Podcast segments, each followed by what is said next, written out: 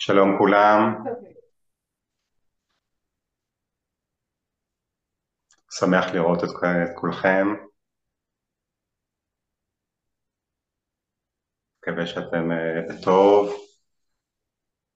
אז המפגש שלנו היום uh, עוסק uh, בסדר היום, חשיבות של סדר היום, ואנחנו נתחיל ממדיטציה קצרה כמו תמיד. תדאגו שהמיקרופונים שלכם סגורים. בין ה-12 שחזר אתמול מישראל אחרי 52 שביל חמאס. שלום לך בורה. כן, יש מישהו שהמיקרופון שלו פתוח, תוודאו שאתם במיוט בבקשה.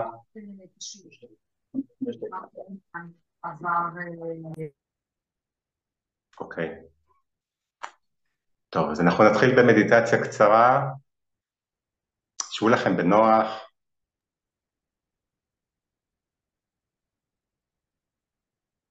ותיקחו כמה נשימות עמוקות,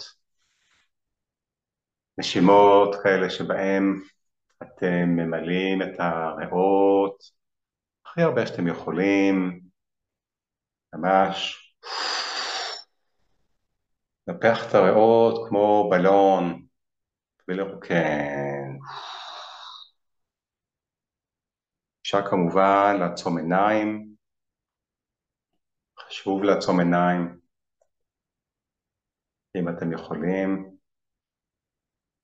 אנחנו עוצמים עיניים, יותר קל לנו להפנות את תשומת הלב, את הפוקוס פנימה, למרחב הפנימי, לשקט הפנימי.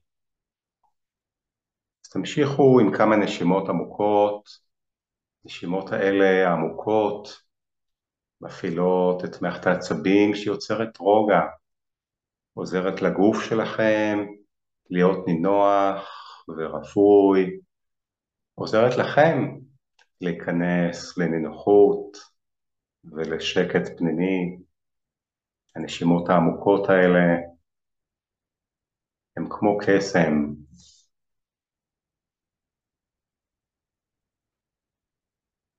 ותמיד זאת הזדמנות טובה כשעושים מדיטציה, שנכנסים פנימה למרחב הפנימי, זו תמיד הזדמנות טובה להגיד תודה לגוף המדהים הזה שלנו. גוף המדהים שיש לו חוכמה אינסופית, מיליארדי תאים שמשתפים פעולה בגוף הזה שלנו ומאפשרים את הקיום של הגוף ושלנו. וכשאתם אומרים תודה, היות והכל מחובר, והתאים מקשיבים לכם, ה-DNA מקשיב לכם, כל המים מקשיבים לכם, הכל מקשיב לכם. כשאתם אומרים תודה, אז כל התאים שמחים, הלב שלכם שמח, כל הגוף מתפקד בצורה שמחה וטובה יותר. אז אתם יכולים להגיד תודה לגוף וגם אם יש איזושהי בעיה גופנית כזאת או אחרת, תפנו דווקא את התודה למקום הבעייתי, לכאב. ככה תעזרו עם התודעה שלכם בריפוי של הגוף. אנחנו הולכים היום לדבר על דברים חשובים ומעניינים. תשימו את כל הטרדות היומיות והאחרות מחוץ לחדר, בצד. שום דבר לא יקרה אם תשימו את הכל בצד לשעה וחצי הקרובות, ותוודאו שאתם לגמרי כאן, במאה אחוז כאן, בפוקוס כאן, להקשיב, לקלוט, ואחר כך גם ליישם. אז קחו נשימה עמוקה ותחזרו לכאן, תפתחו עיניים. אז אנחנו מדברים היום על סדר היום. בסדר היום, שנייה, קרא לי כאן, אה, כן. סדר היום זה משהו שהוא, אה, לחלקכם אולי יש אותו, לחלקכם אין, ואני לא מדבר על סדר היום השגרתי, שקמים, צחצחים שיניים, הולכים לעבודה אולי וכולי, אני מדבר על סדר היום שאתם יוצרים אותו, שאתם בניתם אותו, תכננתם אותו ומיישמים אותו. אז היום אני אדבר על למה בכלל חשוב שיש סדר יום כזה. אה, אני אעביר לכם איזושהי הדרכה שאני קיבלתי לפני כמה וכמה שנים בנוגע לסדר היום, שיש בה למעשה, בהדרכה הזאת את מה שכדאי שיהיה בסדר היום, ואחר כך אני אתן עוד כמה וכמה אה, טיפים ונקודות חשובות כדי להצליח ב- ביישום של סדר היום ובהתמדה של סדר היום. אז נתחיל בשאלה בכלל, למה חשוב שיהיה, אה, שיהיה לנו סדר יום? למה זה בכלל חשוב? אז זה חשוב כי אם אנחנו רוצים לעשות דברים במהלך היום, באופן יומיומי, דברים שחשובים לנו, שהם לא הכרחיים, לא כמו אכילה, עבודה וכולי, אלא דברים שהם חשובים לנו אבל לא הכרחיים, אבל הם חשובים לנו כדי אה, להתקדם בדברים מסוימים, כדי לשמור על הבריאות שלנו, על הרוגע שלנו, על ההתפתחות שלנו, להתקדם בהתפתחות האישית, הרוחנית ועוד כל מיני דברים. אז הסדר יום שאנחנו בונים יכול לעזור לנו בדברים האלה. ובייחוד בתקופה הנוכחית שאנחנו חיים בה, אה, עם הסלולרי והאינטרנט וכל הסחות הדעת שיש, שהן חשובות ו- ו- וטוב שיש אותן, אבל אנחנו יכולים בקלות מאוד לאבד את עצמנו בתוכם. אנחנו יכולים מאוד בקלות לבלות יום שלם ושבוע ולמעשה את כל החיים בתוך הטלפון, באינטרנט, אה, בוואטסאפ וביוטיוב ובאינסטגרם וכולי וכולי ובפייסבוק והדברים האלה הם שואבים אותנו וקל מאוד להישאב לזה ולאבד את עצמנו. ובמיוחד בימים האלה, ומה שקורה עכשיו, שאם אנחנו רוצים להתעדכן ולשמוע מה קורה, אז אנחנו עוד יותר יכולים להישאב לכל הדברים האלה, לכל המדיה הזאת והאינטרנט וכולי.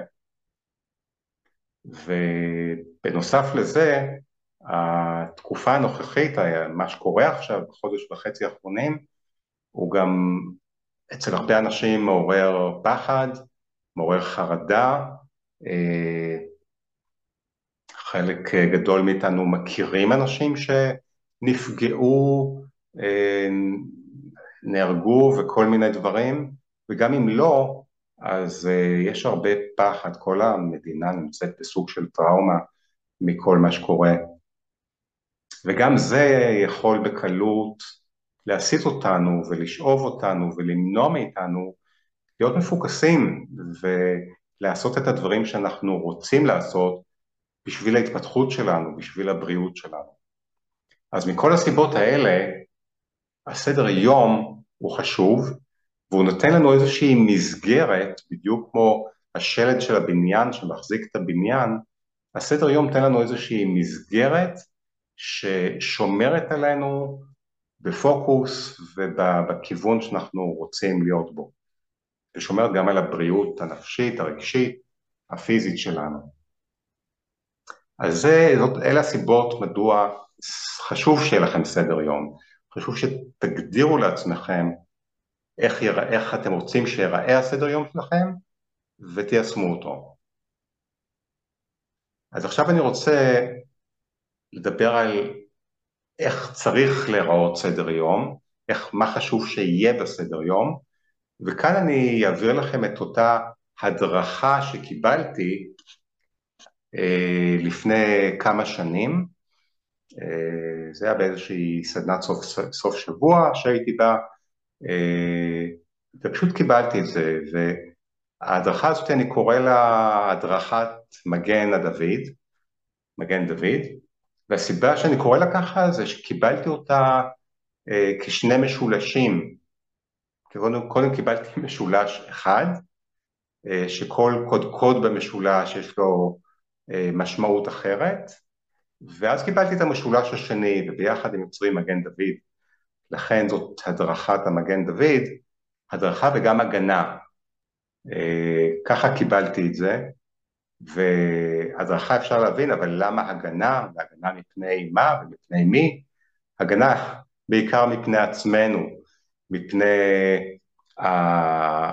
העצלנות שלנו ומפני ההרגלים והדפוסים הישנים שלנו והפחדים שתמיד מנסים לשלוט בנו ולהמשיך לשלוט בנו אה, והגנה מפני העצלנות והתירוצים והסיבות שאנחנו תמיד נותנים לעצמנו בשביל לדחות ולא לעשות את הדברים היותר מאתגרים, היותר מאמצים, אה, וכולנו מכירים את זה שאנחנו רוצים לעשות משהו והמוח פועל נגדנו ומנסה לשכנע אותנו באלף סיבות למה לא לעשות את זה או למה לדחות את זה. אז ההדרכה הזאת של המגן דוד היא מגנה על עצמנו מפני כל אלה ומסייעת לנו באמת לעשות את מה שאנחנו רוצים ובחיים שלנו ובמסע הזה ובהתפתחות הרוחנית האישית שלנו. אז קודם כל יש את המשולש הראשון. המשולש הראשון עוסק ב... במסגרת היותר חיצונית, אה, במסגרת היותר חיצונית המשולש השני עוסק בדברים יותר פנימיים, במהות הפנימית. נתחיל מהמשולש הראשון. המשולש הראשון, הדבר הראשון, אה, הקודקוד הראשון שלו, אה, זה הקימה בבוקר והליכה לישון בלילה, השינה שלנו. וכאן מה שחשוב זה כמה דברים, קודם כל שעת הקימה שלנו ושעת ההליכה לישון. חשוב שהן יהיו יחסית קבועות ושנלך לישון לא מאוד מאוחר ונקום בבוקר לא מאוד מאוחר גם כן. זאת אומרת ההמלצה שלי זה ללכת לישון בין 10 ל-11 ולקום בין 6 ל-7. שוב, אפשר, זה, אתם יכולים לנוע מזה, אבל אלה, אלה טווח השעות פחות או יותר, אז אם ישנים בין 11 ל-6 זה 7 שעות, אה, מי שצריך יותר שעות אז יותר שעות, אבל יש סיבה למה ללכת לישון לא מאוחר מדי ולמה לקום לא מאוחר מדי. חשוב לקום לפחות חצי שעה, שעה מה, מהזריחה ולא מאוחר יותר מזה, וחשוב ללכת לישון אה, יחסית לא מאוחר מדי, כי בשעות הראשונות של הלילה הגוף עובר תהליכים של ניקוי, של ריפוי, ואם לא ישנים בשעות האלה באופן קבוע, אז הבריאות שלנו עלולה להיפגע. אה, אז זה בנוגע לשינה. זה הקודקוד הראשון של המשולש הראשון. קודקוד השני זה פעילות גופנית. ופעילות גופנית היא מאוד חשובה לגוף נפש שלנו, לבריאות הגופנית שלנו, אבל גם רגשית ולרוגע שלנו ולעוד הרבה דברים, ולכן ההמלצה היא לעשות פעילות גופנית כלשהי כל יום, שכל יום תעשו איזושהי פעילות גופנית. ופעילות גופנית, כשאני מדבר על פעילות גופנית אני לא מתכוון להליכה, למרות שההליכה היא מצוינת, אני מתכוון למשהו קצת יותר או אינטנסיבי או מאומץ, או משהו כמו יוגה, זה יכול להיות עבודה משקולות, זה יכול להיות ריצה, יכול להיות מאומץ או אירובי, או משהו שהוא אה, יותר גוף נפש כמו יוגה וכולי. אז כל יום כדאי שיהיה לכם איזושהי פעילות גופנית, ולא צריך הרבה, יכול להיות גם 15-20 דקות של משהו. אז זה לגבי הפעילות הגופנית, שזה הקודקוד השני. הקודקוד השלישי במשולש הראשון, זאת האכילה שלנו. את האכילה אפשר לחשוב למה האכילה נמצאת בסדר יום, בהדרכה הזאת של הסדר יום, כי האכילה אה, היא דבר שהוא מאוד מאוד חשוב, מאוד משפיע על כל הרבדים שלנו, החל מהגופניים כמובן, הבריאותיים, וכלה ברגשיים, נפשיים, האכילה משפיעה על הכל.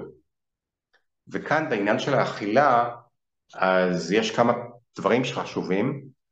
קודם כל חשוב כמובן מה אנחנו אוכלים, וכאן כמובן שההמלצה שלי זה לאכול תזונה שהיא תזונה מלאה מהצומח, לא מעובדת, אה, בלי שום דבר מהחי או עם מעט מזון מהחי, מחיות, אה, תזונה שהיא מלאה מהצומח, אה, הרבה פירות וירקות חיים, ועל ידי תזונה כזאת אנחנו שומרים על הבריאות שלנו. אז המה לאכול הוא חשוב, אבל גם, גם המתי לאכול והכמות שאנחנו אוכלים. אז מתי לאכול, אה, חשוב מאוד לא לאכול, לא לאכול מאוחר בערב, כדאי מאוד ששלוש-ארבע שעות לפני שאנחנו הולכים לישון לא נאכל שום דבר, רק נשתה מים או איזשהו תה, אה, ככה, כי אכילה מאוחרת פוגעת בשינה שלנו ופוגעת בעיכול, אה, וההמלצה שלי בכלל זה כמובן לאכול אה, על ידי השיטה של הצום לסירוגין, שבה אנחנו יחסית מצמצמים את חלון האכילה היומי ואוכלים שמונה שעות ביום, שזה נגיד בין עשר בבוקר לשש בערב, או פחות מזה, שש שעות, חמש שעות, אה, אם זה קשה לכם תתחילו מעשר שעות אפילו, ואז תשפרו את זה לשמונה, אבל כשאנחנו אה, שומרים על חלון אכילה יחסית לא גדול מדי, אז זה עושה הרבה טוב לגוף, גם בדמות של אה, הפעלה של ה autophagy, של פונקציית הניקוי הפנימי של הגוף, וגם אה, אנחנו פחות מתעסקים עם האוכל, וזה מפנה לנו זמן לדברים אחרים. עכשיו שימו לב שהמשולש הזה, וככה הוא הגיע אליי, אה, הוא מתחיל מהעניין של הקימה והליכה לישון, אחר כך פעילות גופנית, ואחר כך האכילה. וזה לא סתם, כי אני מוצא, ואני חושב שככה נכון ל, לכל האנשים, אבל לוקח זמן להגיע לזה אולי, אה, לעשות את הפעילות הגופנית לפני שבכלל אוכלים משהו.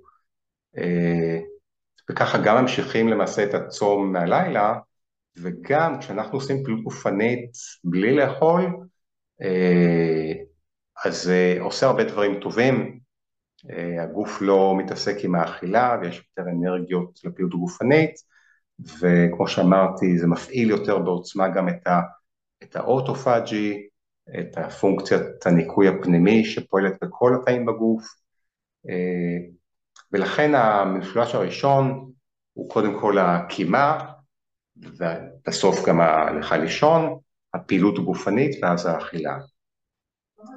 יחד עם זאת, יחד עם זאת, אם אתם uh, מרגישים שאתם צריכים לאכול לפני הפעילות הגופנית, זה בסדר לגמרי. Uh, זה לא must. זה תהיו קשובים גם לעצמכם כמובן. אז זה המשולש הראשון. המשולש השני כאמור עוסק יותר במהות הפנימית, וכאן לדברים שהם יותר קשורים לפנימיות שלנו ולהתבוננות והקשבה גם פנימה לתוכנו, אבל גם החיבור החוצה ליקום, לבורא. וכאן הקודקוד הראשון של המשולש הזה זה תרגול של נשימות, תרגול של נשימות עמוקות.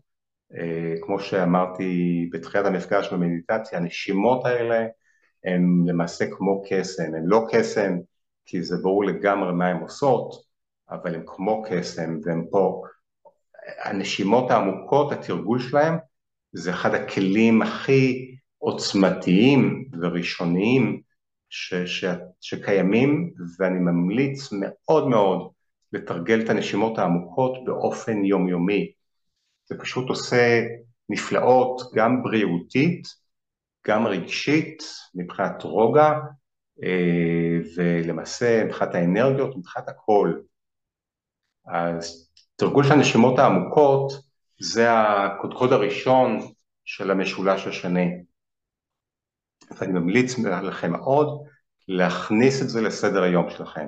אפילו אם זה לזמן קצר, אפילו אם רק חמש דקות כל יום, עדיין זה משמעותי. אמ, מעבר לזה כדאי גם אה, לזכור לנשום עמוק בכלל במהלך היום, תוך כדי דברים שאתם עושים. אבל זה לא קשור לתרגול בעיניים עצומות, בישיבה, שאני ממש ממליץ לעשות באופן קבוע, באופן יומיומי. הדבר השני, הקודקוד השני של המשולש השני, אה, זה מדיטציה. לעשות איזושהי מדיטציה באופן יומיומי, זה יכול להיות המדיטציה הבסיסית, הפשוטה, שאנחנו יושבים ללא תנועה, בעיניים עצומות, ופשוט נמצאים בהתבוננות על כל מה שמתרחש בתוכנו, על המחשבות, על התחושות, על הרגשות, כל מה שעולה בנו, כל הרעש האינסופי שנמצא בתוכנו, אז פשוט להיות בהתבוננות מהצד על כל הדבר הזה. וכמובן שכשאנחנו מתרגלים את המדיטציה הזאת, אז זה עוזר לנו גם להיות בהתבוננות במהלך היום אה, על כל מיני מחשבות שעולות לנו של, של פחד וכולי, או על כאב שיש לנו, כל מיני דברים, זה עוזר לנו להתבונן על הדברים האלה ולא להישאב בתוכם. אז המדיטציה הבסיסית הזאתי, או מדיטציה אחרת, או היפנוזה עצמית, תרגול של היפנוזה עצמית באופן יומיומי, או אפשר לשלב גם את המדיטציה וגם את ההיפנוזה עצמית, אבל בכל אופן כדאי להכניס לסדר יום איזשהו פרק זמן, ושוב, יכול להיות אפילו משהו קצר של חמש דקות, אבל איזשהו פרק זמן יומיומי שאתם עושים איזושהי מדיטציה. בנוסף להיפנוזה עצמית, בנוסף לנשימות העמוקות, כי אלה שני דברים שהם שונים, הם קרובי משפחה, אבל הם עדיין שונים. אז זה הקודקוד השני של המשולש השני. הקודקוד השלישי של המשולש הפנימי, של המהות, זה לעשות איזושהי פעילות של יצירה כל יום. איזושהי פעילות של יצירה, זה לא משנה מה. זה יכול להיות כתיבה, זה יכול להיות נגינה, זה יכול להיות uh, ריקוד, זה יכול להיות כל דבר, אבל איזושהי פעילות של יצירה. והסיבה היא שכשאנחנו יוצרים, אנחנו מביעים את עצמנו, אנחנו משחררים דברים, הרבה פעמים תוך כדי יצירה עולים דברים ואנחנו מבינים דברים, ויצירה זה משהו מאוד חשוב. היצירה כמובן שאני הכי uh, משתמש בה ומתחבר אליה זה הכתיבה, uh, אבל גם דברים אחרים. אז זה המשולש השלישי, להכניס, להשתדל באופן קבוע, באופן יומיומי, איזשהו משהו של יצירה. ושוב, זה יכול להיות גם פרק זמן קצר, זה יכול להיות גם עשר דקות, אבל שיהיה משהו יומיומי, או אם לא יומיומי אז כמעט יומיומי. אז זה, ה... אז, אז זה המגן דוד על שני משולשיו, ואם אתם תפעלו על פי זה, אז אתם תמצאו שזה שומר עליכם. זה שומר עליכם, זה שומר על הפוקוס שלכם, זה שומר על האנרגיות שלכם, על הרוגע שלכם, זה שומר עליכם במסע שלכם, של ההתפתחות הפרטית, האישית, הרוחנית שלכם. אה, אני אישית מצאתי שבתקופות שפחות נשמעתי למגן דוד הזה, להדרכה הזאתי, אז uh, הרגשתי את זה בכל מיני, דרוך, בכל מיני צורות, וכשאני שומר על זה, שאני משתדל לשמור על, ה, על המגן דוד הזה ביומיום שלי, אז זה ממש אה, מאוד מורגש, שוב, מכל הבחינות. אז זה, אלה דברים, ששת הדברים האלה שאני ממש ממליץ לכם שיהיו בסדר יום שלכם. ועכשיו אני אעבור לכמה, אחר כך יהיה גם זמן לשאלות כמובן. עכשיו אני רוצה לעבור לכמה נקודות נוספות שהן בעיניי ממש חשובות בשביל ההצלחה אה, של סדר היום ובשביל שנצליח גם להתמיד בסדר היום, שזה לא משהו מובן מאליו, לא משהו קל, לא משהו קל להצליח בסדר היום. אנחנו, שוב, אנחנו בעולם הזה תמיד כל הזמן נשאבים ונוטים אה, פשוט אה, להישאב לדברים ולשכוח מהדברים היותר חשובים והיותר אה, שדורשים מאמץ שאנחנו רוצים לעשות. אז זה לא קל להתמיד, ולכן אני רוצה עכשיו לעבור על כמה נקודות וטיפים שיעזרו לכם להצליח ולהתמיד בסדר היום. אז אה, אוקיי, הדבר הראשון אה, שאני רוצה לדבר עליו זה הגמישות בתוך סדר היום.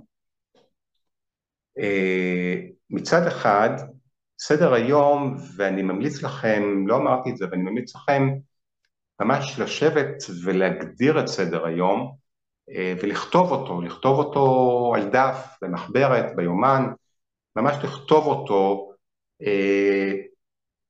לפי השעות, אתם קמים בשעה מסוימת, אתם uh, מתארגנים, אתם עושים מה הדבר הראשון שאתם עושים, למשל תרגול הנשימות, מה הדבר השני שאתם עושים, פעילות גופנית, מה הדבר השלישי, וככה אה, בבוקר וככה גם בהמלצה בערב. אה, לא כל היום כמובן צריך להיות ככה בנוי, אבל השעה, שעתיים הראשונות של הבוקר אה, מאוד חשובות, וגם סוף היום, גם ככה שעה, שעתיים אחרונות, אה, אפשר כמובן שזה יותר משעתיים ראשונות בבוקר, אפשר לעשות שלוש-ארבע שעות, זה הכל תלוי בכם ואיך אתם רוצים לבנות אותו, את סדר היום, אבל חשוב שזה יהיה מאוד מוגדר, מאוד מוגדר ובנוי, ושאתם יודעים מה אתם עושים ומה סדר הדברים. זה עוזר לכם לשמור על זה וזה עוזר לכם פשוט לא אה, ללכת לאיבוד, אלא אתם יודעים פשוט מה סדר הדברים ונוצר הרגל של, של סדר הדברים הזה. אבל למרות זאת, כמו שאמרתי, חשוב להכניס לשם גם גמישות. ומה זאת אומרת גמישות? זאת אומרת, אה, למשל, אם יש יום שלא בא לכם לעשות את הפעילות הגופנית או את המדיטציה, אין לכם כוח, בא לכם יום חופש מכל זה, אז זה בסדר לגמרי. צריך לזכור שאנחנו בני אדם, אנחנו לא רובוטים, עדיין לא, בכל אופן. אז לכן הגמישות היא מאוד מאוד חשובה וחשוב לאפשר לנו להתגמש לפעמים ולהיות קשובים לעצמנו. אבל יחד עם זאת, הגמישות הזאת היא צריכה להיות המיעוט, היא צריכה להיות היוצא דופן. זאת אומרת, רוב הימים כדאי מאוד שאנחנו נפעל על פי סדר היום שהגדרנו לעצמנו בצורה מדויקת עד כמה שאפשר. ושהימים שאנחנו מוותרים לעצמנו, שאנחנו מתגמשים, אה, לוקחים יום חופש, שאלה יהיו המיעוט.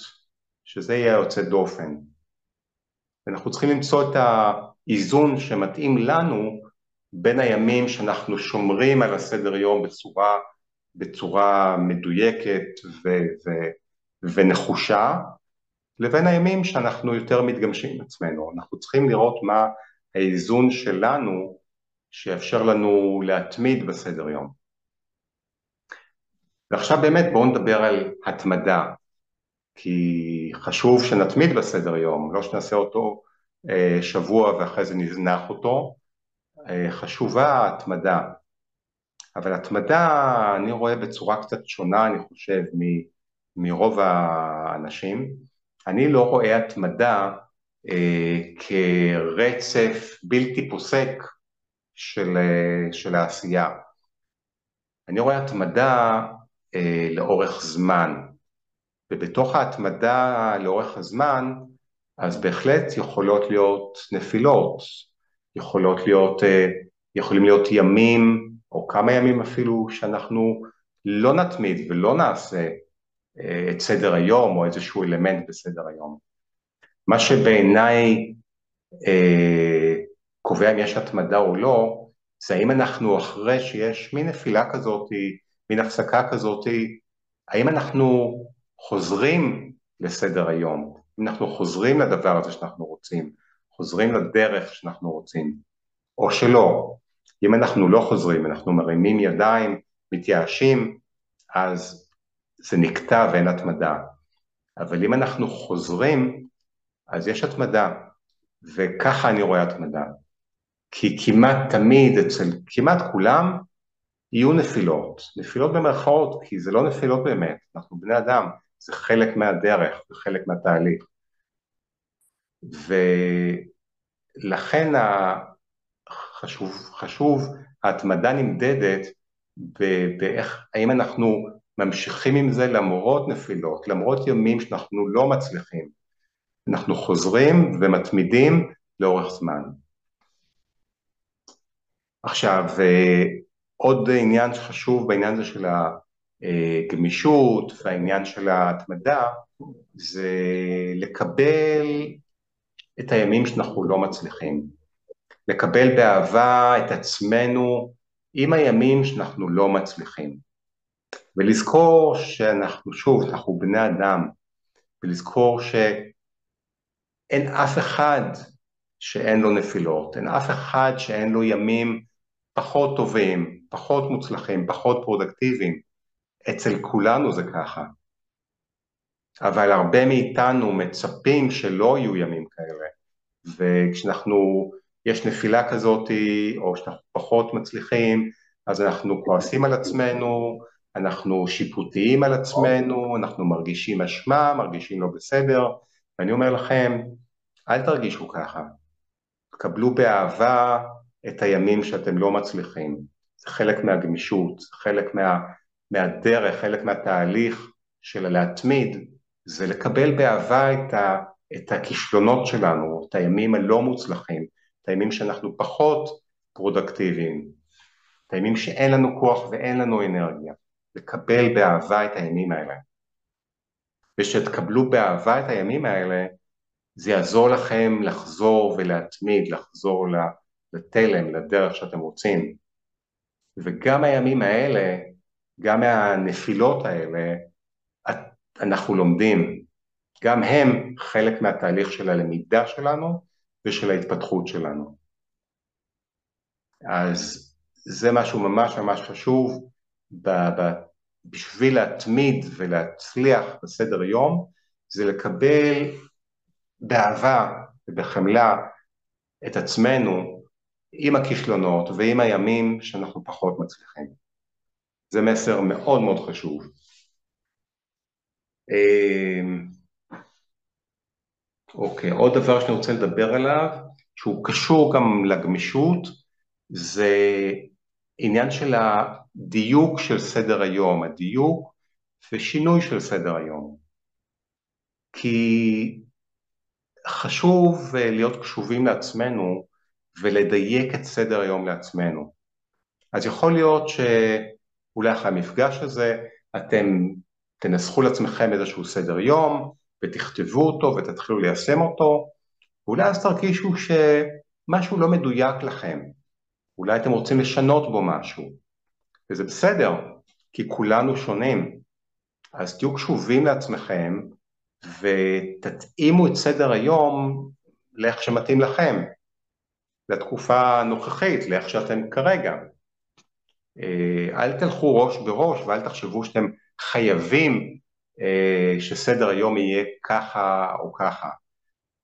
תשתדלו שכל האלמנטים האלה שדיברתי יהיו בסדר היום, אבל תהיו גמישים עם עצמכם ותהיו קשובים לעצמכם ותדייקו את סדר היום עבורכם, איך שאתם עכשיו. איך שאתם עכשיו, כי כאן נכנס העניין של השינוי. אנחנו תמיד בשינוי ואנחנו תמיד מתפתחים, ומה שמתאים לכם עכשיו אולי לא יתאים עוד חצי שנה או עוד שנה או עוד חודש, אה, אם בגלל שאתם השתנתם והתפתחתם, אם בגלל שהדגשים שלכם השתנו, אה, אם בגלל שנולד לכם ילד, או שהתחלתם עבודה חדשה והשעות עבודה שלכם השתנו, או כל סיבה אחרת. אבל אתם צריכים להיות קשובים לעצמכם, ואם אה, נדרש שינוי בסדר היום, אז תעשו אותו. אבל יחד עם זאת, וכאן איזושהי מילה של אה, ככה, מילה של תשימו לב, אה, המוח שלנו, הפחדים שלנו, העצלנות והאגו, הם מאוד מתוחכמים והם ינסו לשכנע אתכם בכל מיני סיבות ותירוצים למה אולי אה, לא נעשה מדיטציה, נעשה משהו אחר במקום, או לא נעשה, אה, נדחה את זה, וכולנו מכירים את זה. אז אה, תהיו ערים אם השינוי שאתם רוצים לעשות הוא באמת אותנטי ונכון אה, ומתאים, או שהוא נובע מהמקומות האלה של, ה, של הפחד, של העצלנות וכולי. אה, תהיו קשובים לזה וערים, ואם השינוי אמיתי אז תעשו אותו כמובן. אוקיי, אה, דבר נוסף שחשוב לצורך ההצלחה והתמדה בסדר היום זה הדרגתיות. אה, אל תקפצו בבת אחת למים העמוקים, אל תעמיסו על עצמכם בבת אחת יותר מדי. אלא תעשו את זה בהדרגתיות. אז אם אתם רוצים להתחיל לתרגל נגיד את הנשימות העמוקות, וזה לא משהו שתרגלתם עד היום, אז תתחילו בקטנה, תתחילו אפילו מחמש דקות, אולי חמש דקות פעמיים ביום, תתחילו בקטנה, ואחרי שתהיו תקופה ותרגישו נוח עם זה, בתקופה, זה יכול להיות חודש, זה יכול להיות שלושה חודשים, אחרי שתרגישו נוח עם זה ושזה בא לכם בקלות, אז תוכלו אולי להוסיף זמן, ולעשות את זה יותר זמן. אותו דבר עם כל אחד מהדברים, בין אם זה פעילות גופנית, בין אם זה האכילה, אם אתם רוצים לעשות שינוי באכילה לכיוון אכילה יותר בריאה, אז תעשו את זה גם כן בהדרגתיות.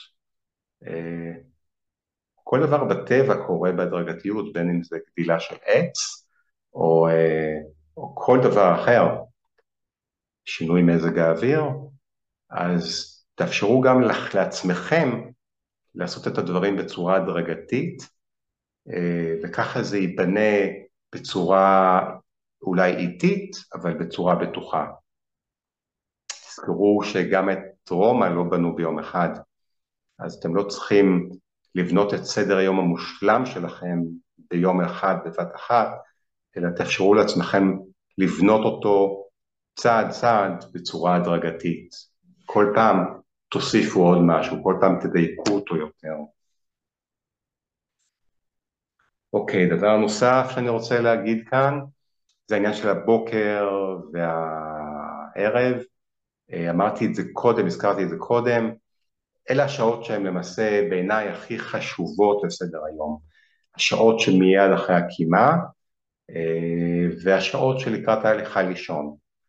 עכשיו, אצל כל אחד מאיתנו זה שונה, אה, אם אתם עובדים בעבודה שמחייבת אתכם לצאת מהבית בשעה קבועה, אז יש לכם אולי פחות זמן בבוקר, אבל עדיין כדאי מאוד, מומלץ, שלפחות תקדישו איזשהו פרק זמן בבוקר לפני שאתם הולכים לעבודה, אה, לצורך התרגולים שאתם רוצים להכניס, לצורך אותם דברים שנמצאים שם במגן דוד ההוא.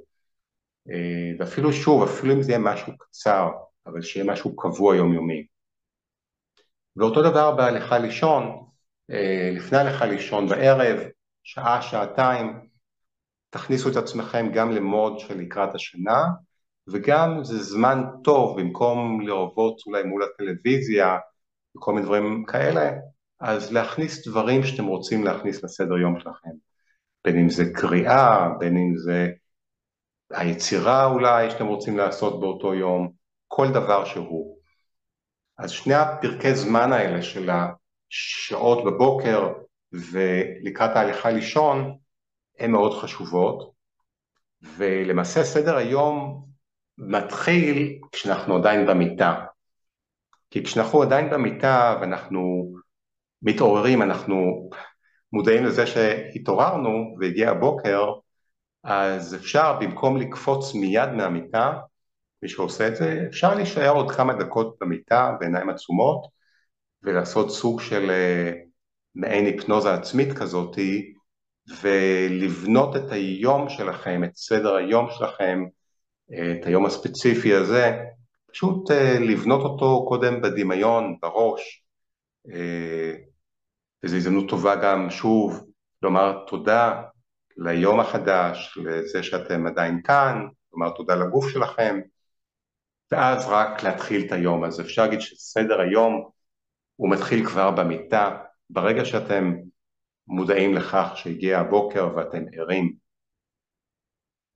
אה, ואותו דבר בהליכה לישון, אתם הולכים לישון, תוודאו שאתם נרדמים עם הדברים הנכונים, שוב תגידו תודה, אה, תבנו את היום של המחרת, תבנו את הבוקר של המחרת, תחזרו על זה בדמיון שלכם לפני שאתם נרדמים במיטה.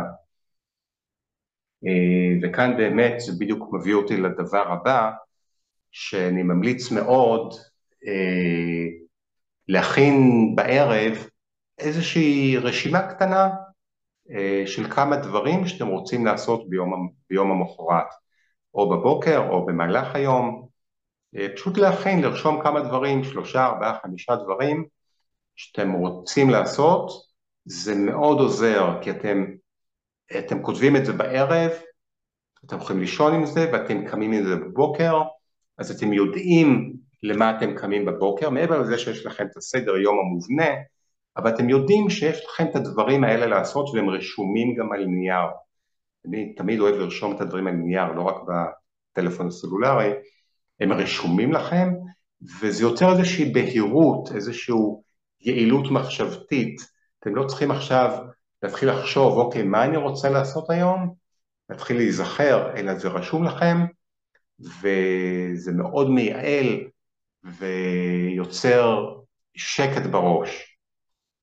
אז אני מאוד ממליץ בשעות הערב, לפני שאתם הולכים לישון, פשוט לכתוב כמה דברים שאתם יודעים שאתם רוצים לעשות ביום המחרת. זה מאוד מאוד עוזר. והדבר האחרון ברשימה הזאת של הטיפים, של הדברים החשובים האלה, זה הטלפון הסלולרי, אה, שצמוד אלינו ואנחנו, אה, והוא מכשיר חשוב ויעיל ואנחנו משתמשים בו, אבל חשוב גם לשים לו גבולות, וחשוב, ואני ממליץ מאוד, שיהיו פרקי זמן במהלך היום, שהטלפון לא לידכם, שהוא נמצא במקום אחר, על מצב שקט, ויש לכם פסק זמן מהטלפון. אה, אני ממליץ ממש שיהיו אפילו זמנים קבועים מהלך היום, אם אתם יכולים, שהטלפון על מצב שקט, מונח בצד, ויש לכם חופש ממנו. זה ממש ממש חשוב. אה, אני, חלקים נרחבים מהיום, הטלפון נמצא בצד, בוודאי בשעות הבוקר, חלק מהשעות הבוקר, אבל גם במהלך היום, אני פשוט לפעמים פשוט שם אותו בצד ו... ו... ולא נוגע בו. ממש ממש ממליץ, ממש ממש חשוב. כי המכשיר הזה, עם כל החשיבות שלו, הוא שואב אותנו, הוא ממכר, ואנחנו צריכים לדעת לשים לו גבולות. אז אוקיי, אז עד כאן מה שרציתי להעביר, אני רק אסכם את זה ככה בכמה מילים, ואז נעשה איזה מדיטציה נוספת, ונפתח לשאלות, מי שיש לו שאלות. אז אני ככה אסכם בקצרה את הדברים. חשוב שיהיה לנו איזשהו סדר יום, כל אחד שיבנה את סדר היום שלו לפי מה שמתאים לו ולפי הזמן הפנוי שיכול להקדיש לסדר היום, אבל חשוב שיהיה איזשהו סדר יום, וחשוב שיהיו בסדר היום הזה איזה שהם תרגולים מסוימים ואיזה שהם פעילויות מסוימות שהם לא חלק מהדברים שאתם חייבים לעשות במהלך היום, כמו, כמו בישול או כביסה או העבודה שלכם, אלא דברים אחרים, דברים שבדרך כלל נדחקים הצידה. אז חשוב להכניס לסדר היום את הדברים האלה, את התרגולים האלה, כדי שהם יהיו, הם, הם יהיו ב, ביום שלכם, יהיו בס, ואתם תיישמו ותעשו אותם. אחרת קל מאוד שפשוט להעביר את היום בלי לעשות אותם. אז חשוב הסדר יום, חשוב ואני ממליץ שיהיו השישה קודקודים האלה של, ה, אה, של המגן דוד, שיהיו לכם בסדר היום, אפילו אם זה לפרקי זמן קצרים, כי זה ישמור עליכם, זה, זה יעזור לכם להיות מפוקסים, רגועים, בריאים ובהתפתחות שלכם. אז נסו להכניס את כל ששת הקודקודים האלה לתוך היומיום שלכם. ותכניסו לשם גם גמישות וקבלה של עצמכם באהבה אה, וימים של, שמותר לכם אה, לא, לא ליישם את הדברים, אלא להיות אחרת, וכל הדברים האלה שאמרתי. אבל תעשו לכם סדר יום, תכניסו לשם את הדברים, תתחילו בקטנה, בהתמדה, ותתמידו עם זה גם אם יש נפילות. אז אני חושב שזה מסכם בערך את מה שרציתי להעביר על כל הנושא של הסדר יום. אני מקווה שתיישמו את זה ושזה יעזור לכם אה, ביום יום ובחיים שלכם בכלל. אה, אנחנו נעשה עכשיו איזושהי מדיטציה נוספת ואז אה, נעבור על השאלות. אז שוב, שבו לכם בנוח, תעצמו עיניים, אם אתם לא נוהגים, וקחו כמה נשימות עמוקות שוב פעם, הנשימות העמוקות שבהן אתם ממלאים את הריאות ומרוקנים.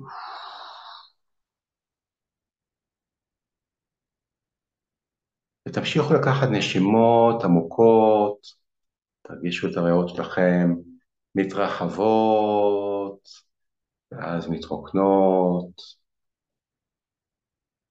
ותרגישו איך הגוף שלכם עם כל נשימה נהיה יותר משוחרר, יותר נינוח. תרגישו איך איזה כבדות נעימה, חמימה מתפשטת בגוף שלכם. ותרגישו איך אתם עם כל נשימה נכנסים לאיזושהי נינוחות, נכנסים יותר פנימה לאותו מרחב פנימי שקיים בתוככם, מרחב פנימי עצום ואינסופי, שקט כמו האוקיינוס, מרחב פנימי שמצד אחד יש שם שקט וריק, אבל מצד שני אפשר ליצור בו הכל במרחב הפנימי, אתם יכולים ליצור את עצמכם בכל דרך ובכל צורה שאתם רוצים ובוחרים. זה כמו דף חלק שאתם יכולים למלא אותו ולצייר עליו כל מה שאתם רוצים. אתם יכולים ויכולות לדמיין את הסדר יום שלכם. אתם יכולים לדמיין את עצמכם מתעוררים בבוקר בתחושת שמחה ליום החדש, בתחושה של שמחה ואנרגיה והתרגשות ליום החדש, לעוד יום שבו אתם נושמים וחיים ותואמים את החיים, עוד יום שבו אתם יכולים לעשות דברים ולפעול ולהשפיע, או פשוט לחיות וליהנות. ואתם מתעוררים עם תחושת השמחה וההודיה, הודיה לחיים, הודיה על הגוף שלכם, וככה אתם מתחילים את היום. יש לכם את הסדר יום שלכם, שגם אם עדיין לא בניתם אותו וכרגע עדיין אין לכם סדר יום, אתם יכולים לדמיין שיש לכם סדר יום, ואתם יכולים לראות ולדמיין את עצמכם עושים את סדר היום, עושים את הבוקר שלכם, מתוך תחושה של שמחה וסיפוק והנאה, מתוך נוכחות במה שאתם עושים, נוכחות במה שאתם עושים ברגע הזה, מתוך הנאה במה שאתם עושים. וכן, אנחנו יכולים ליהנות מכל דבר שאנחנו עושים. אנחנו יכולים ללמוד ליהנות אפילו מהדברים הפשוטים, היומיומיים, כמו שטיפת כלים, או הכנת מזון, או הדברים המאתגרים יותר, כמו פעילות גופנית ודברים אחרים. אנחנו יכולים ללמוד ליהנות מכל דבר, כי הנאה זה קודם כל בחירה. אז תחליטו שאתם נהנים מכל דבר שאתם עושים ביום הזה. ותהיו נוכחים במה שאתם עושים, אם עולות לכם כל מיני מחשבות של דאגה, מחשבות על העתיד או על העבר, אז תחזירו את עצמכם להווה, למה שאתם עושים עכשיו, לכאן ועכשיו. ותלמדו את עצמכם להיות נוכחים במה שאתם עושים וליהנות ממה שאתם עושים. וככה אתם מעבירים את היום ופועלים מתוך שמחה, מתוך הנאה, מתוך נוכחות במה שאתם עושים. והיום מסתיים ואתם מתארגנים לשינה ועולים למיטה, וגם כשאתם נרדמים, אתם בהודיה, אתם נושמים נשימות עמוקות ואיטיות, נשימות רגועות, אתם מחייכים לעצמכם, אומרים תודה ליום שהיה, ותודה לכם, תודה לעצמכם. אתם נרדמים עם תחושת השמחה וההודיה לתוך השינה, לשינה טובה, שינה משוחררת ומחדשת, כדי לקום בבוקר למחרת שוב מלאי אנרגיה ושמחה ליום החדש. וזה המחזור היומי שאתם יכולים לסגל לעצמכם, שמתחיל עם שמחה והודיה והתרגשות ליום החדש, ומסתיים עם הודיה וסיפוק ושמחה על היום שהיה ושמחה על כל מה שיש לכם והיה באותו יום. יכולים עכשיו לחזור לכאן, לפתוח את העיניים, מותר לחייך, ו... אז אנחנו עכשיו אה, נעבור לשאלות, אני לעצמי שיש לכם כל מיני שאלות, אז uh, מי שרוצה, רוצה, אתם מוזמנים. שלום. אפשר בבקשה? כן, בשמחה. ראשית אני מאוד רוצה להודות לך. וואו, אני שומע אותך אבל ממש ממש גרוע. מרתק. מה? אני, אני מאוד מודה לך. אני שומע אותך נורא גרוע. אז רק רגע. אני אנסה להתחבר לאוזניות, ואני אשמע יותר טוב. כן. אה, עכשיו אתה שומע אותי יותר. יותר טוב, כן. אז ראשית אני, אני מאוד רוצה להודות לך, אה, זה, זה מרתק, זה פשוט אה, כל כך חשוב ומשמעותי. אני רוצה לשאול, אני יכול לשאול שאלות על דברים שגם עלו בפעמים קודמות? בואו ננסה להישאר ממוקדים, אפרופו סדר יום, אה, בואו ננסה להישאר ממוקדים, אם יישאר זמן בסוף אז אולי נחזור לשאלות האלה שלך, בסדר? ואם לא יישאר זמן אתה תמיד מוזמן אה, לכתוב לי ולשאול באופן פרטני. בסדר, תודה אבל, רבה. אבל נשאר גם ממוקדים, שוב אם יישאר זמן אז בשמחה. בסדר. תודה. אפשר לשאול משהו? בוודאי, כן, בשמחה. אה, גם תודה כמובן. אה, ורציתי לשאול למה הליכה היא לא חלק מהפעילות שאתה ממליץ עליה? אני ממליץ על הליכה, הליכה כמו שאמרתי היא מצוינת, אבל כשאני מדבר על פעילות גופנית אני בדרך כלל מתכוון לפעילות ש...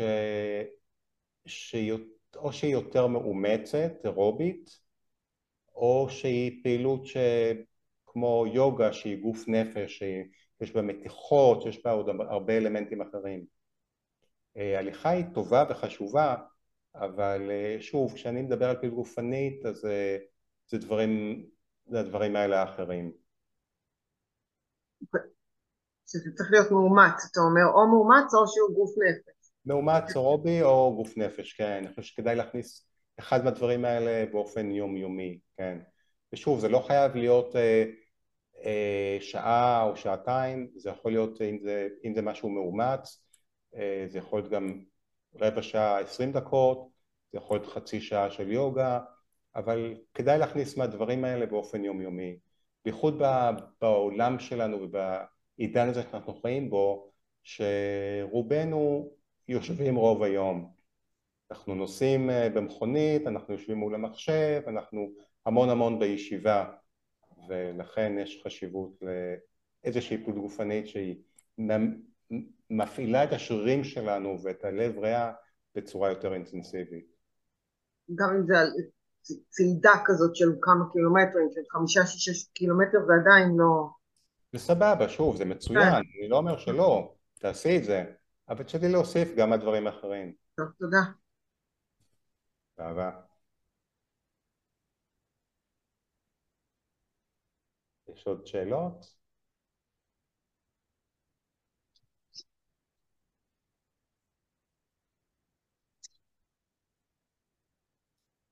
שאלות כלשהן? מתי שוב? מתי שוב? עוד שבועיים. אני עכשיו ככה עושה את המפגשים האלה אחת לשבועיים, אז אה, יום שלישי הבא עוד שבועיים, אלא אם כן אני אודיע אחרת, עוד יום שלישי עוד שבועיים אה, יהיה המפגש הבא, שעוד לא החלטתי סופית על הנושא שלו. אז היות וכרגע אין שאלות, אתה מוזמן לשאול את שלך. כן, האמת שזה גם קשור לסדר יום שלי, אז, אז, אבל, אבל שלי ספציפי ורצוי של כולם. אז ראשית, אה, אתה התייחסת על, על, על ארבעה משפטים מאוד משמעותיים לעניין רוגע, שליטה ברוגע, רוגע בכל מצב, כן. ובין היתר אתה הזכרת משפט שלישי, הכל בהשגחה עליונה, הכל בסדר, הכל בהשגחה עליונה, והטוב והרע הם חלק מהשלם. כן, זה כבר לא חלק מהמשפט, המשפט הוא הכל בסדר והכל נמצא בהכוונה או, או בהשגחה, כן. אני הייתי שמח uh, לשמוע את זה, אל, אל, אל, קצת שיותר ת, תדגיש, זאת אומרת לתת אינטרפטציה יותר uh, בהירה. Okay. אוקיי, לגב... תזכיר לי את השם שלך? יוחאי. יוחאי, נכון, כן. פשוט לא מופיע במסך. אז תראה, זה באמת מאוד קשור למפגש שעשיתי של הכל מחובר. אז אתה בטח שואל את זה בקונטקסט של אה, כל מה שקורה בחודש וחצי האחרונים, אני מתאר לעצמי. לא, לא, לא, לאו דווקא, אני ש... לא. אומר את זה כ... לקבל את מה שיש. וש... אז, אז, אז תראה, אה, שוב אני מרחיב על זה מאוד במפגש של הכל מחובר, אם לא שמעת אותו כדאי לך לשמוע אותו. ש, ש, שמעתי אבל... ועדיין צריך את ההדגש. אבל אה, קודם כל יש עדויות מחקריות, אוקיי?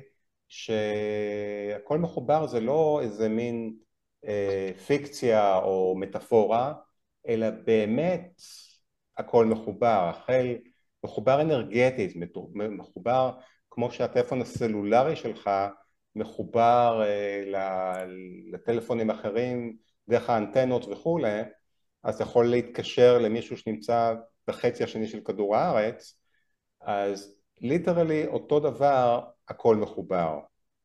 בין אם זה שני חלקיקים שנמצאים, שיצאו מאותו מקור ונמצאים קילומטרים, עשרות קילומטרים זה מזה, ושוב, אלה מחקרים שנעשו והוכחו, בין אם זה כל מולקולות המים שנמצאים בגוף שלך או נמצאים בכוס או בכל מקום אחר, שלמעשה מושפעים מהמחשבות שלך ומהתודעה שלך, אה, בין אם זה מולקולות ה-DNA שנמצאות בתאים שלך, אה, שמושפעות מהמחשבות שלך ומהתודעה שלך, אה, התאים, התאים שלך, שגם הם קשובים ומושפעים מהמחשבות שלך ומהתודעה שלך, צמחים, בעלי חיים ואנשים אחרים, הכל למעשה הראו כבר שמושפעים מהתודעה שלנו ומהמחשבות שלנו. עכשיו, אה, המטאפורה שאני אוהב להשתמש לצורך ההבנה של הכל אחד ומחובר זה הגוף שלנו. כי הגוף שלנו מורכב ובנוי ממיליארדי, הרבה מיליארדי תאים, וכל תא הוא יחידה עצמאית, הוא, הוא עולם ומלואו, יש בו, בכל תא יש את כל מה שאתה זקוק בשביל להתקיים. לכן אפשר לקחת תא ולשים אותו במעבדה בתנאים המתאימים והתא יתקיים, אוקיי? לתקופה מסוימת עד שהוא יישחק ו... אבל עקרונית עד שהוא יזדקן. אז לתא, התא הוא עולם ומלואו ויש בו את כל מה שהוא זקוק והוא כמו למעשה כמו יחידה עצמאית. ויחד עם זאת כל מיליארדי התאים שמרכיבים את הגוף שלנו הם באופן מאוד אה, מדהים משתפים פעולה בצורה הרמונית לגמרי, בצורה אה, של סינכרוניזציה, שיתוף פעולה מוחלט בשביל לאפשר את הקיום של הגוף. אם לא היה שיתוף פעולה הזה אז אה, למעשה מזמן הגוף שלנו תוך שניות ספורות היה מפסיק להתקיים והיינו מתים, הגוף היה מת.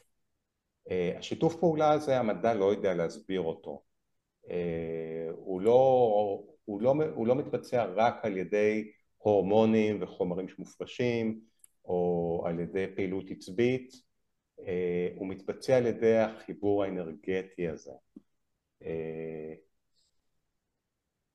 אז כמו שהגוף שלנו מורכב ממיליארדי תאים, שמשתפים פעולה בשביל לאפשר את הקיום של הגוף האחד הזה שלנו, את הקיום שלנו בגוף. אותו דבר בדיוק, כל מה שקיים ביקום, כל בני אדם וכל מה שקיים בעולם שלנו, אם נצמד רגע רק לכדור הארץ, אז כל הדברים האלה הם כמו התאים של הגוף שלנו. והכל מחובר, הכל אחד, והכל למעשה באיזשהו אופן פועל בצורה הרמונית. אבל מה, אנחנו כבני אדם קצת אה, סטינו מזה, ולכן הסטייה, אם נחזור לגוף, אוקיי? הגוף כיקום מיני, אז הסטייה של הבן אדם תגרום למחלה, תגרום אולי לסרטן. הסטייה בקנה מידה עולמי גורם למה שאנחנו רואים, למחלות במרכאות שאנחנו רואים בעולם. אז כמו שמחלה גופנית היא סוג של קריאת התעוררות כדי שהבן אדם יתעורר ויעשה שינוי, אז ככה גם המחלות במרכאות של העולם, בעולם, באנושות, הם גם כן סוג של קריאת התעוררות כדי שאנחנו, בני אדם, אה, אפשר לתקן את דרכנו ונחזור אה, לתדר של, של אור, לתדר של אהבה שאיתו נולדנו. אף תינוק לא נולד אה, עם אגו ועם עם, עם כעס או שנאה. אז זה נראה לי קצת זלגתי החוצה מהשאלה שלך, אבל... אתה היית ממליץ, אני יודע שאתה גם עוסק ב-EMDR, נכון? אני כדי... עוסק ב-EMDR בצורה מאוד מצומצמת, איך אני אסביר לך למה. לך... כן, אבל השאלה, אבל אתה בעצם, כמו שאתה עשית לנו מדיטציה ואתה נותן לנו לספוג מסרים חיוביים והרמוניים, כן. אתה למעשה את ארבעת המשפטים האלה שנתת באותו פרק שראיתי אותו בשקידה רבה ואפילו רשמתי לי לפרטי פרטים, uh-huh. אתה היית ממליץ אה, להפנים שוב פעם שהכל בהשגחה עליונה, זאת אומרת אני צריך לקבל את, ה, את, ה, את המציאות כמו שהיא ולנסות לא, לא לנסות להיאבק בה אלא לקבל אותה ועם זאת לזרום איתה, זאת אומרת במילים אחרות אה, אין עד הסוף, אם, אני צריך ב, לא להיות בסטרס, אבל אני, בעצם אני זורם עם החיים, אני לא זה ש... נכון אז, משהו אז כזה? כן ולא, כן ולא. כן, אני, כן. אדייק, אני אדייק את זה. אה, כי אה, אני אוהב להשתמש ב, במושג ש, שאני חושב שאני המצאתי אותו, אה, לזרום ולהזרים. אוקיי? כי אם אנחנו רק זורמים, אנחנו כמו עלה נידף ברוח. לכן חשוב גם לזרום אבל גם להזרים, אוקיי? אה, יש דברים, הרבה דברים, אנחנו, אין לנו שום שליטה עליהם, וכאן אנחנו צריכים להיות בקבלה ובזרימה. אבל כן יש לנו אפשרות אה, אה, להזרים, זאת אומרת אה, להשפיע. סדר היום למשל, סדר היום. בדיוק, למשל את סדר היום. כן. או המחשבות שלנו. אם אנחנו לגמרי בזרימה, אז לא יהיה סדר יום, ואז בא לנו לישון יותר מאוחר, נישן יותר מאוחר וכולי וכולי. אה, אז זה בעניין של הזרימה. בעניין של לאמץ ולהפנים את המשפט הזה ואת המשמעויות שלו, הכל בסדר והכל נמצא בהכוונה, למה זה כל כך חשוב? אנחנו חיים בעולם מאוד רציונלי, העולם המערבי, עולם מאוד רציונלי וחסר אמונה, למרות שיש הרבה דתיים, אבל הדת היא לאו דווקא אמונה. אה, ולכן מכאן נובעות למעשה אה, החרדות שלנו והדאגות שלנו והפחדים שלנו שכל כך רבים בעולם, בעולם הזה שלנו והדיכאון שכל כך רב בעולם שלנו.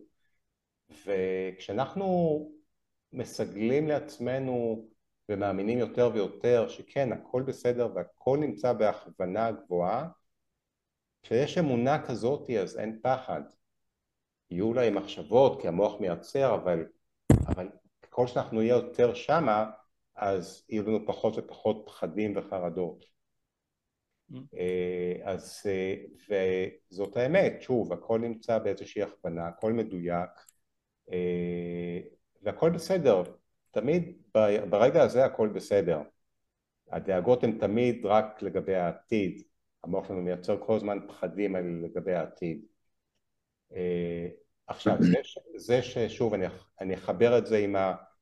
לזרום ולהזרים, זה שהכל בסדר והכל נמצא בהכוונה, זה לא אומר שאנחנו לא צריכים לעשות שום דבר, זה לא אומר שאנחנו לא צריכים לפעול, בהחלט כן, אנחנו צריכים לפעול, אנחנו צריכים לעשות אה, כל מה שאנחנו יכולים גם בשביל לשמור על הבריאות שלנו ולשמור על השמחה שלנו ועל הרוגע שלנו וגם בשביל בכלל לעשות טוב בעולם הזה להגדיל את הטוב ולהגדיל את התדר הנכון של האהבה בעולם הזה. אז זה מתחבר לה לזרום ולהזרים אבל אנחנו עושים את זה מתוך האמונה והרוגע שכן הכל אחד, הכל מחובר והכל בסדר.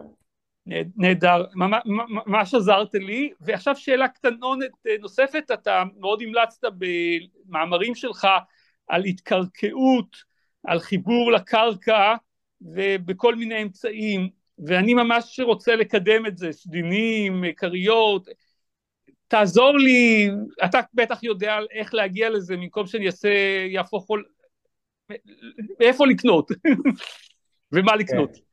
אז אני, אני יכול, יש, יש אתר שאני לאחרונה רכשתי ממנו כי אפשר לרכוש אה, בכל מיני מקומות אבל חשוב שהמוצרים האלה יהיו איכותיים. ולכן יש אתר, אני יכול, אתה יכול לכתוב לי אה, וואטסאפ אחר כך אני אשלח לך בוואטסאפ ומי שעוד רוצה מוזמן לשלוח לי וואטסאפ ואני אשלח לו. אני רק אגיד מילה על זה, כן ההערכה היא מאוד חשובה כי אנחנו בעולם המודרני אנחנו לובשים נעליים מגומי או מפלסטיק שמבודדים אותנו מהאדמה והמכוניות מבודדות והבתים בדרך כלל מבודדים ובעוד שהחיות או אנחנו בעבר הרחוק היינו מחוברים לאדמה, אה, מחוברים חשמלית ובגלל כל השדות האלקטרומגנטיים שכל הזמן נמצאים סביבנו אה, ובגלל כל הקרינה שקיימת כל הזמן סביבנו אז מצטבר בגוף שלנו מטען חשמלי שאין לו לאן להתפרק כי אנחנו מבודדים מהאדמה ולכן ההרקה היא חשובה, הרקה בין אם בצורה טבעית על ידי פשוט להיות יחפים על דשא, על אדמה אה, או לגעת בידיים שלנו, לגעת בעץ או בעלה, בעלים וזה גם כן יוצר הרקה או בצורה מלאכותית על ידי האביזרים האלה שהזכרת של הרקה אה, בין אם זה יש צמידי הרקה שאפשר לשים על, על הזרוע או על הרגל או משטחי הרקה למחשב או שאפשר לעמוד עליהם או אה, למיטה אז אנחנו ישנים ובשנה זה במיוחד חשוב אז, אז תשלח לי בשמחה וואטסאפ ואני אה, אענה לך בכל מקרה אתה עושה הרבה טוב לעולם תודה יוחאי, תודה. תודה, בשמחה. אז uh, יש למישהו איזושהי שאלה נוספת? אני. כן, בשמחה. אה, אה, מה נשמע ערב טוב? רציתי לשאול, בגלל כל המצב הזה, שדווקא אני די קרוב לעוטף, אזעקות, בומים, 24-7, כן. אה, אני מנסה לשבת לפעמים, כמו איתך עכשיו, לעשות נשימות, אבל המחשבות שלי כל הזמן רצות, אה, כן. אתה יודע, אני לא מצליח, אני לא מצליח להגיע לריכוז, ולא מצליח אה, להגיע גם לנשימות, זאת אומרת, אני לוקח את הנשימה, אני מרגיש שהיא נתקעת לי איפשהו. כן. מה אני עושה בשביל קצת לסדר את זה, עצמי גם במיוחד? כן, תודה אלי, תודה, שאלה מצוינת, בייחוד בתקופה שלנו. כן. תקופה מאתגרת אה, בהרבה מובנים לכולם אה, ובמיוחד אה, למי שנמצא באמת יותר קרוב לכיוון, לעוטף עזה ששם היו המון אזעקות, עכשיו יש הפסקת אש אבל היו כל כך הרבה, זה מאתגר מאוד והתשובה היא אה, לתרגל, פשוט אה, להכריח את עצמך לשבת, לשים טיימר אפילו רק לחמש דקות ולשבת בעיניים עצומות ולתרגל את הנשימות. זהו, זה מה שאני לא מצליח. אז, כן, אז שוב, אז. לא, משהו לא... לגבי המחשבות, אז זה פשוט אה, ללמוד להתעלם מהמחשבות האלה. לא לנסות שהם לא יעלו, כי אם אתה מנסה שהם לא יעלו אז אתה רק מחזק אותם. זה כמו שאני אגיד לך עכשיו, אל תחשוב על פיל, אלי, אל תחשוב על פיל, ומיד יש לך פיל בראש. בדיוק. אם אתה מנסה לא לחשוב את המחשבות האלה, אם אתה נאבק בהן, אתה רק מחזק אותן. אז פשוט תתייחס למחשבות האלה, אני אוהב להשוות את זה לכלב שנובח, תחשוב שהכלב של השכנים נובח, ופשוט תתייחס לזה ככה, תתעלם מהמחשבות האלה, אוקיי? ותפנה תשומת הלב שלך לנשימות. ברגע שתחליט ותלמד להתעלם מהם, ולא תצפה שהם לא יעלו, כל המחשבות האלה של הפחד וכולי, או מחשבות אחרות, אז יהיה לך הרבה יותר קל, ואז תתחיל מזמנים קצרים, אפילו שתי דקות, חמש דקות, ועם התרגול אתה תראה שזה ילך וישתפר. כי כמו כל דבר שאנחנו מתרגלים אותו ומתאמנים בו, אז הוא הולך ומשתפר. אז גם כאן, והנשימות, התרגול של הנשימות הוא כל כך חשוב, במיוחד במצבים כאלה, בגלל שהוא מפעיל את מערכת העצבים הפרסימפטית שיוצרת רוגע אה, והרוגע הוא חשוב גם כדי שנהיה רגועים אבל הוא חשוב גם לבריאות. לכן התרגול הזה הוא כל כך חשוב במיוחד במצבים כאלה. אז אה, פשוט אה, הדגש הוא להתעלם מהמחשבות, ללמוד להתעלם מהן ולא להיאבק בהן ופשוט לתרגל את זה. אז בהתחלה תתרגל בפרקי זמן קצרים, תשים, וחשוב לשים טיימר שלא שהוא יודיע לך מתי נגמר התרגול ולא תתפתה לפתוח את העיניים לפני.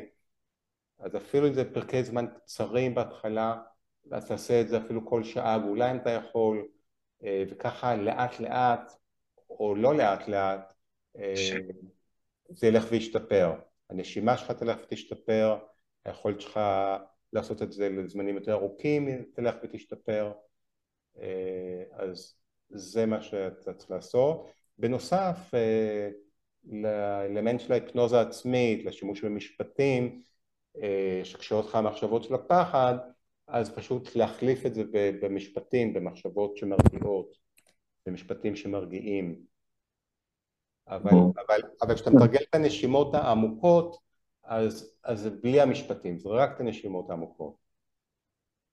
אוקיי, תודה. אני, אני אגיד לך פעם הבאה איך זה היה. מקווה שנצליח. אם תתמיד תצליח, שוב, תעשה את זה כמה שתצליח, אבל ההתמדה כאן היא, היא האלמנט שייצור את השיפור. אוקיי, תודה. בשמחה, אלי. היה מעניין. תודה, תודה. אז עוד איזה שם שאלה יש למישהו, למישהי? שאלה כלשהי? אה, שושי, כן, את רוצה לשאול? או שהרמת יד? שושי, לא שומעים אותך, את במיוט, אם את רוצה לשאול משהו.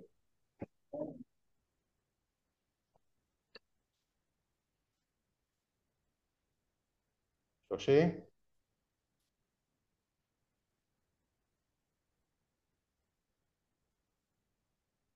טוב, עד ששושי מצליחה אה, אה, לדבר אם היא רוצה, אם יש איזושהי שאלה אחרת.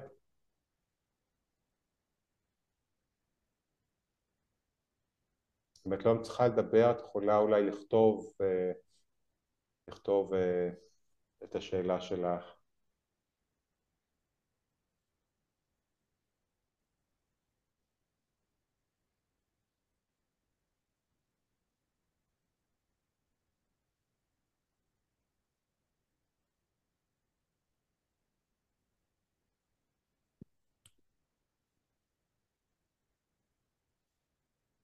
אה, אני רואה שיש כאן כמה שאלות, אוקיי, אה, אני רואה שאלה שלך שושי. אה, פתחתי את ה, פשוט את הצ'אט. אה, אשמח לטיפים לשבירת הרגלים רעים. אז אוקיי, שאלה מצוינת. אז אם יש הרגלים רעים, ולכולנו יש הרגלים רעים עד שאנחנו לא משתחררים מהם, אז uh, אנחנו פשוט צריכים להחליף אותם בהרגלים טובים. Uh, זה כמו עניינים המחשבות. אם אנחנו מנסים להיאבק עם, ה... עם ההרגלים האלה, אז זה מתיש אותנו והרגלים יהיו חזקים מאיתנו רוב הסיכוי, אה, במיוחד אם אלה הרגלים של הרבה שנים. אז השאיפה היא פשוט אה, להכניס הרגלים חדשים, ליצור בעצמנו הרגלים חדשים. אה, אז אם זה הרגל, אם ניקח לדוגמה הרגל של אכילה לא בריאה, למשל, אז במקום להיאבק באכילה של דברים לא בריאים, אה, שזה לא קל כי לפעמים הדברים האלה הם ממכרים ואנחנו רגילים לאכול אותם, במקום זה אפשר להוסיף הרגלים חדשים, הרגלים נוספים, מיטיבים, כמו למשל לאכול יותר מהדברים שאנחנו רוצים, יותר פירות וירקות למשל, ואז יתחיל להיווצר הרגל חדש שככל שנחזק אותו אז ככה אה, יותר ויותר ההרגלים הישנים ילכו ויחלשו, ילכו וידעכו. אה, כי צריך לזכור שוב, המוח שלנו הוא גמיש. כשאנחנו מחזקים הרגל חדש, בין אם זה הרגל של חשיבה, בין אם זה הרגל התנהגותי, אנחנו מחזקים הרגל חדש שאנחנו רוצים לחזק, אז ההרגל הישן ילך ויחלש, כי זה הגמישות של המוח. אז אה, ודבר נוסף לגבי להשתחרר מהרגלים שאנחנו רוצים להשתחרר מהם, אנחנו אה, כדאי מאוד שאנחנו נגדיר לעצמנו מה ההרגלים שאנחנו רוצים החדשים שאנחנו רוצים במקומם. זאת אומרת, להגדיר לעצמנו בצורה מדויקת איזה הרגל אנחנו רוצים ליצור במקום ההרגל הלא טוב שאנחנו רוצים להחליף. ואז אחרי שניסחנו את זה אנחנו יכולים להתחיל להתקדם לכיוון הזה שוב על ידי הוספה של ההרגל הזה או, או חלקים ממנו אה, ולהוסיף את זה במקום להיאבק בהרגל הישן אנחנו מוסיפים ויוצרים הרגל חדש. אז להגדיר את ההרגל החדש ואז להתחיל להכניס אותו ליומיום שלנו. אה, נראה אם יש כאן בצ'אט עוד דברים. אה, האם גם הליכה יחפה בבית נחשבת להרקה? זה מאוד מאוד תלוי, אה, לא רואה כאן מי שאל את זה, זה מאוד מאוד תלוי אה, כי, כי יש לי מכשיר כזה שמודד אם יש הרקה או לא, אז אני ראיתי שיש מקומות, נגיד בבית הקודם שגרתי בו, אז חלק משמעותי מהבית היה אכן מבודד אם הולכים יחפים וחלק לא. בבית הנוכחי רוב הבית הוא לא מבודד אה, וזה בית קרקע, אני מניח שבבית אה, דירות, אם זה דירה, אז רוב הסיכויים שזה לא מבודד. אז, אה, אז זאת התשובה, זו לא תשובה מוחלטת, זו תשובה שלפעמים זה מבודד, לפעמים לא.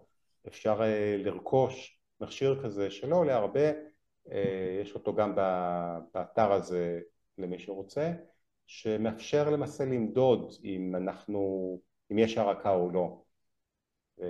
וזה חשוב גם בשביל לבדוק למשל אם יש אה, סדין הרקה, אפשר עם המכשיר הזה לבדוק אם הסדין, אם יש הרקה או שלפעמים הסדינים האלה מתבלים ואז כבר אין הרקה. אז זה לגבי השאלה הזאתי. אה, מישהי כאן שואלת, יש לי שטיח הרקה מחו"ל וגם צמיד, אך אה, בקבוצת ללא קרינה אמרו שכל האמצעים האלה הם הונאה. לא, לא, לא, לא, ממש לא הונאה, בכלל לא. שוב, יש לי מכשיר שמודד את ה, אם יש הרקה או לא, זה בכלל לא הונאה. אה, יש גם הרבה סרטים ובכלל הרבה חומר על, על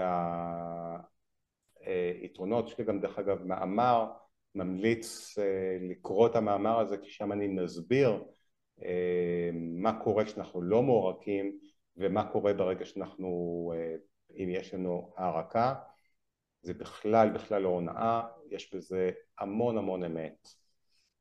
ממליץ מאוד לעשות הערקה, שוב, בין אם בצורה טבעית, בין אם בצורה אה, של אחד האביזרים האלה. אה, אשלח אליך את שם החברה, בסדר, תשלחי לי בוואטסאפ, במייל, בשמחה.